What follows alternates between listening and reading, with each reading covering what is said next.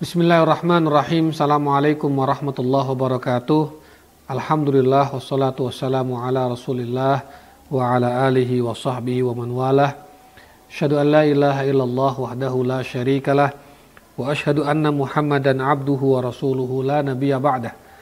Allahumma salli wa sallim wa barik ala sayyidina Muhammad wa ala alihi wa sahbihi ajma'in amma ba'du. Saudaraku yang dirahmati Allah, pada bagian kedua dari tafsir surat Al-Fatihah ini kita akan membahas tentang Bismillahirrahmanirrahim. Ikhtalafa fihal ulama. Para ulama berbeda pendapat. Hal hiya ayatun minal fatihah amla apakah basmalah termasuk dari ayat al-fatihah atau tidak tentu ini adalah salah satu masalah khilafiyah yang sudah dibahas oleh para imam madhab sejak kurang lebih 13 abad yang lalu Pendapat pertama yaitu dari Al-Imam Asy-Syafi'i radhiyallahu anhu. Beliau mengatakan bahwa al-basmalah ayatun minal Fatihah. Liftitahiha biha wal Fatihah fi dunal basmalah batilah.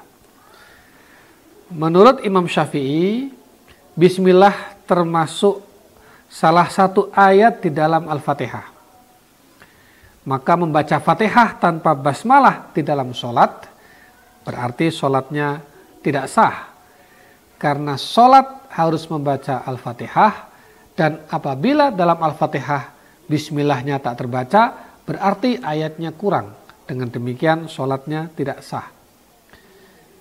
Imam Syafi'i radhiyallahu anhu mendasarkan pendapatnya pada sebuah hadis yang diriwayatkan oleh Ibnu Abbas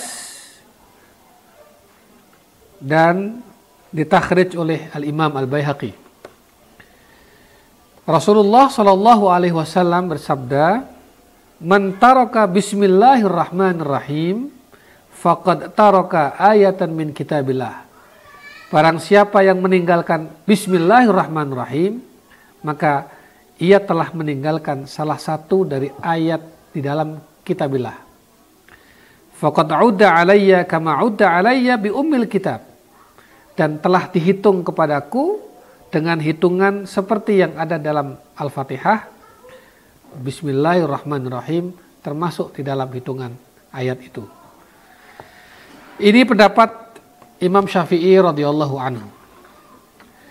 Sementara pendapat lain yaitu dari Imam Malik, Imam Abu Hanifah dan Imam Ahmad bin Hambal radhiyallahu anhum beliau bertiga berpendapat bahwa laisatil basmalatu ayatan minal fatihah Bismillah tidak termasuk ayat di dalam Al-Fatihah. Oleh karenanya sholat membaca Fatihah tanpa basmalah maka sholatnya tetap sah.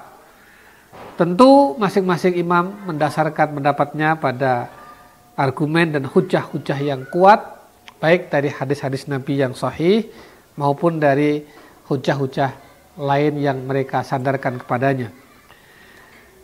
Artinya bahwa masalah basmalah ini tidak perlu kita perdebatkan terlalu panjang karena para imam sesungguhnya juga telah mendiskusikan itu sejak kurang lebih 13 abad yang lalu yang mengatakan bahwa basmalah termasuk ayat Imam Syafi'i ada dalilnya, ada argumennya, ada hujahnya yang mengatakan bismillah bukan termasuk ayat Imam Malik, Imam Abu Hanifah, Imam Ahmad juga ada sandaran-sandarannya.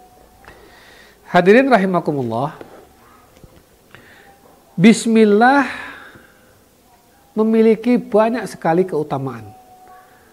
Fadilah-fadilah yang akan saya sebutkan di sini adalah semua yang terkait dengan Bismillahirrahmanirrahim.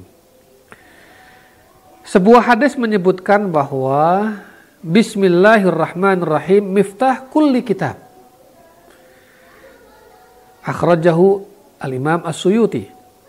Bismillahirrahmanirrahim adalah kunci atau pembuka semua surat di dalam Al-Quran. Kecuali surat At-Taubah. Nanti akan saya terangkan. Surat At-Taubah tidak diawali dengan basmalah. Mengapa? Sebagian ulama mengatakan karena ayat-ayat yang ada di dalam surat At-Taubah adalah ayat-ayat tentang perang dan ayat-ayat tentang adab. Sehingga tidak diberi basmalah supaya tidak kontradiktif secara makna. Tetapi basmalah diletakkan di salah satu ayat dalam surat An-Naml, innahu min Sulaiman wa innahu bismillahirrahmanirrahim. Sehingga jika surat di dalam Al-Quran itu jumlahnya 114, kemudian at-taubah tanpa basmalah, maka tetap jumlah basmalah adalah 114. Di at-taubah tidak disebutkan basmalah, tetapi basmalah disimpan di dalam salah satu ayat dalam surat An-Naml. Sehingga jumlahnya sama dengan jumlah surat yang ada dalam Al-Quran. Hadis lain menyebutkan Rasulullah Shallallahu Alaihi Wasallam bersabda, "Kullu amrin dzibalin la yubda'u fihi bi Bismillahirrahmanirrahim aqta." Ini rawahu As-Suyuti wan Nawawi di dalam kitabnya Al-Adkar. Setiap pekerjaan yang penting, setiap urusan yang penting yang membawa manfaat dan mengandung maslahat untuk diri sendiri maupun orang lain apabila tidak dimulai tidak diawali dengan bismillahirrahmanirrahim akta. Akta artinya terputus. Terputus maksudnya sia-sia saja pekerjaan itu dan terputus juga artinya terputus dari berkah dan rahmat Allah. Oleh karena itu Berdasarkan hadis ini, seyogianya kita di dalam memulai apa saja, memulai pekerjaan penting, memulai rapat, memulai mengajar, memulai apa saja, maka kita harus memulainya dengan Bismillahirrahmanirrahim, supaya keberkahan dan rahmat Allah tidak terputus di dalam acara itu, di dalam pekerjaan itu. Hadirin rahimakumullah. Hadis lain menyebutkan Idza qara'tum alhamdulillah faqra'u bismillahirrahmanirrahim. Kata Rasul. Apabila engkau membaca alhamdulillahirabbil alamin, maksudnya adalah apabila engkau membaca Al-Fatihah ya. Faqra'u bismillahirrahmanirrahim. Maka bacalah bismillahirrahmanirrahim. Ini juga menguatkan pendapat Imam Syafi'i bahwa bismillah termasuk di dalam ayat Al-Fatihah. Apabila kamu membaca Alhamdulillah, maksudnya Al-Fatihah, maka bacalah juga Bismillahirrahmanirrahim. Innaha ummul Quran wa ummul kitab wa sab'ul mathani. Karena Bismillahirrahmanirrahim dengan Alhamdulillah itu, Al-Fatihah itu semuanya adalah ummul Quran, ummul kitab, wasab'ul mathani tujuh ayat yang terus diulang-ulang memang kenyataannya Al-Fatihah adalah tujuh ayat yang diulang-ulang. Kalau kita sholat empat rakaat empat kali kita baca Fatihah. Sholat terawih sebelas rakaat sebelas kali kita baca Fatihah. Sholat terawih 23 rakaat 23 kali kita baca Fatihah. Itu dalam sholat belum di luar luar sholat. Al-Fatihah adalah surat yang paling sering kita ulang-ulang bacaannya. Wasabul mathani. Bismillahirrahmanirrahim ihdaha. Dan Bismillahirrahmanirrahim adalah termasuk salah satu ayatnya. Ini lagi-lagi menegaskan ya bahwa bismillah termasuk salah satu ayat dalam Al-Fatihah. Hadirin rahimakumullah.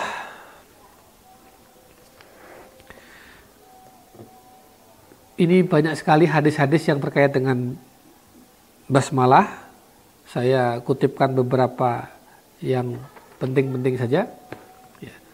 Bahkan Rasulullah Shallallahu Alaihi Wasallam memerintahkan para sahabatnya untuk secara khusus menuliskan Bismillahirrahmanirrahim dengan baik. Kepada beberapa sahabatnya Rasulullah memerintahkan aliki aslih midadaha ad-dawata wa harrifil qalama wa aqimil ba'a wa farriqis sina wala tu'wiril mima wa hasinillaha wa muddar rahman wa, wa jawidir rahim. Artinya apa? Secara global hadis ini memerintahkan tulislah bismillah, tuliskan basmalah dengan baik. Pelan ya dengan huruf yang baik, dengan kaligrafi yang baik. Bahkan wahasinilah ketika menuliskan bismillah, menuliskan kata Allah, tuliskan kata Allah itu dengan sangat baik. Wa muddar rahman Ketika menuliskan Ar-Rahman dikasih panjang Ar-Rahman wajawitir rahim dan perbaguslah ketika kita menuliskan Ar-Rahim. Artinya Rasulullah memang memerintahkan untuk menuliskan bismillah dengan sehati-hati mungkin, seperfect mungkin, sesempurna mungkin, sebagus mungkin. Karena memang mengandung beberapa keutamaan dalam basmalah itu.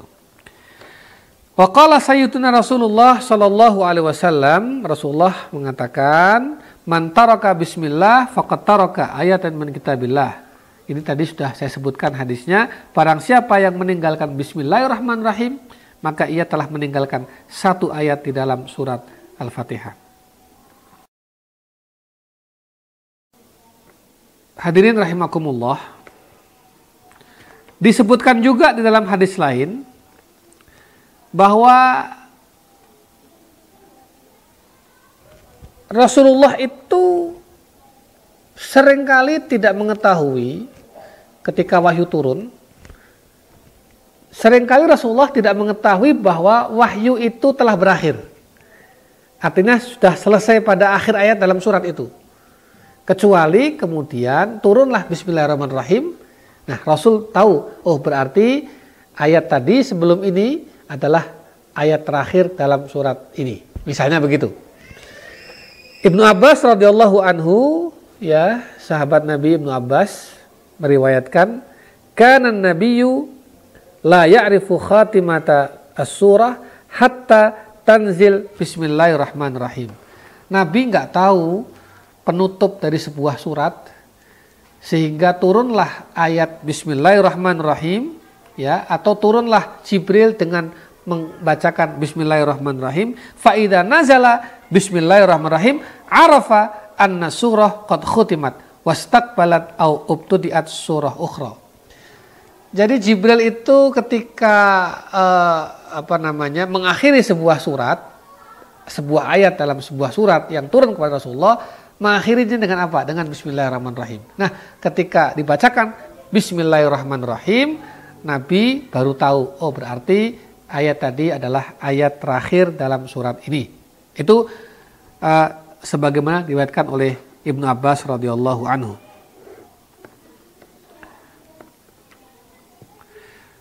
Keutamaan lain dari bismillah adalah bismillah ini menjadi perisai dan menjadi perlawanan kita kepada setan.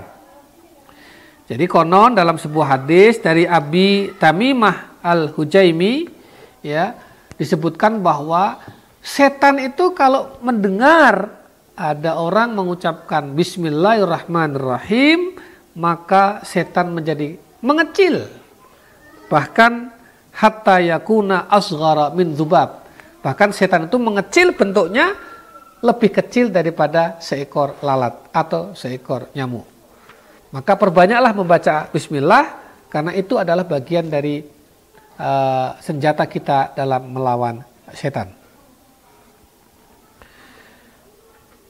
Al basmalah inda khawlil bait atau inda dukhulil bait.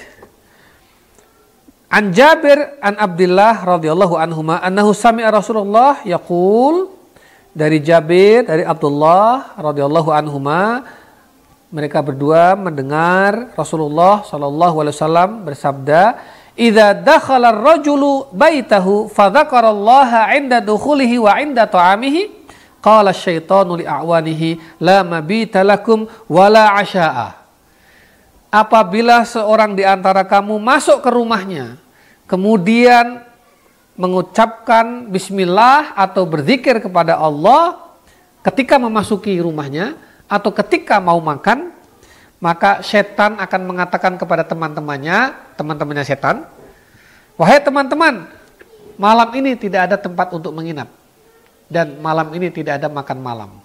Itu karena penghuni rumah masuk rumah membaca bismillah dan penghuni rumah mau makan membaca bismillah sehingga setan nggak bisa ikut makan dan setan nggak bisa ikut numpang nginap di rumah kita. Wa idza dakhala falam yadhkurillaha 'inda dukhulihi qala syaitan adraktumul mabita Wa idza lam yudhkarillaha inda ta'amihi qala adraktumul mabita wal asya. Sebaliknya, jika ada orang masuk ke rumah ya, tidak mengucapkan basmalah, tidak mengucapkan zikir kepada Allah, maka setan akan mengatakan kepada teman-temannya, malam ini engkau mendapatkan tempat menginap. Dan apabila ada orang mau makan tidak mengucapkan bismillah, maka setan akan mengatakan malam ini engkau dapat tempat untuk menginap dan mendapatkan hidangan makan malam. Artinya makan malam kita akan disertai dengan setan-setan itu. Saudaraku yang dirahmati Allah, ada juga hadis-hadis lain yang ini juga terkait dengan keutamaan basmalah. Al basmalah inda wujudil alam. Bismillah dibaca ketika kita mengalami sakit. Utsman bin Abil As radhiyallahu anhu pernah mengeluh dan mengadu kepada Rasulullah Shallallahu alaihi wasallam ada sakit di dalam salah satu anggota tubuhnya. Kemudian faqala lahu Rasulullah Shallallahu alaihi wasallam, "Dha yadaka alalladhi ta'allama min jasadika. Rasul mengatakan kepada Utsman bin Abil As, taruh tanganmu, letakkan tanganmu di tempat yang engkau merasa sakit. Misalnya sakit di dada, taruh di sini.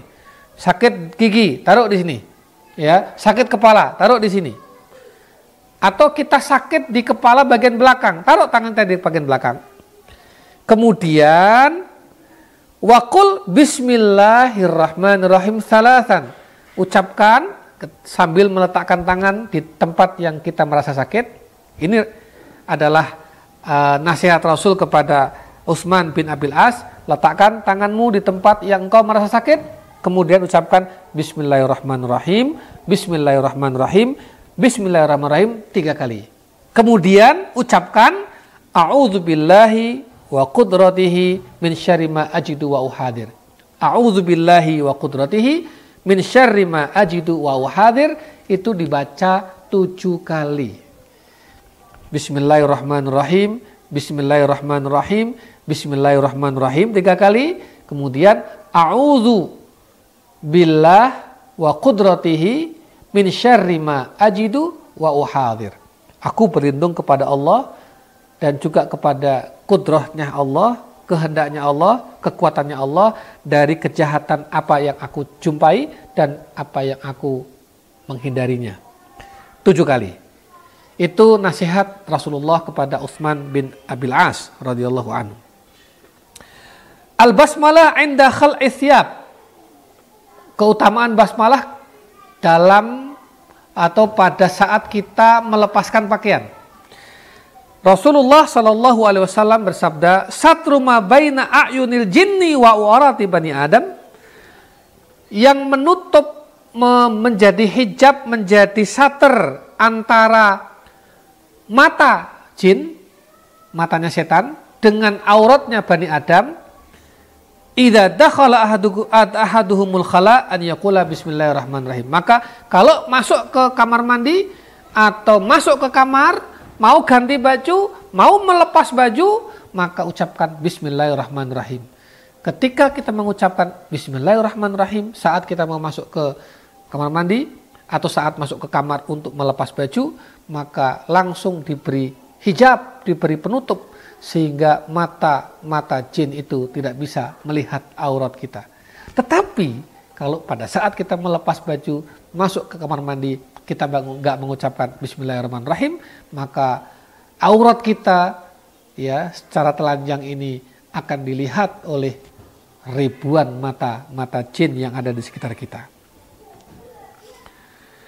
Seraku yang dirahmati Allah banyak sekali fadilah Bismillah ini ya Bismillah di antaranya juga insya Allah bisa menjadi wasilah untuk me, eh, media pengampun dosa-dosa. Jadi Bismillah itu ada empat, empat kalimat. Ini kata ulama Bismil, Bismi Allah Ar-Rahman Ar-Rahim. Ada empat kalimat. Dosa itu juga ada empat jenis. Dosa malam, dosa siang, dosa sembunyi-sembunyi, dan dosa terang-terangan maka memperbanyak membaca bismillah mudah-mudahan Allah mengampuni dosa-dosa kita ya baik yang terang-terangan maupun yang tersembunyi baik dosa-dosa pada malam hari maupun dosa-dosa pada siang hari.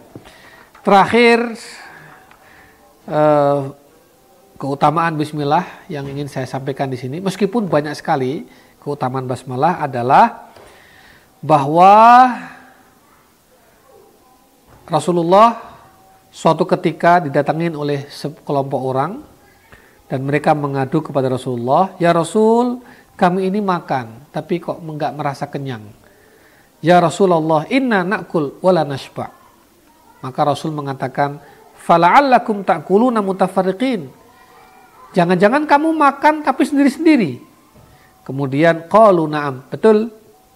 Qala fajtami'u ala ta'amikum wadhkuru smallahi alaihi yubarik lakum fi. Rasul menasihatkan kepada sekelompok orang tadi, kalau gitu berkumpullah, makanlah bersama-sama, jangan sendiri-sendiri. Dan berdoalah dengan mengucapkan bismillahirrahmanirrahim. Mudah-mudahan makananmu itu diberkahi oleh Allah Subhanahu wa taala, mengenyangkan, menyehatkan dan menjadikan barokah dalam hidup kita.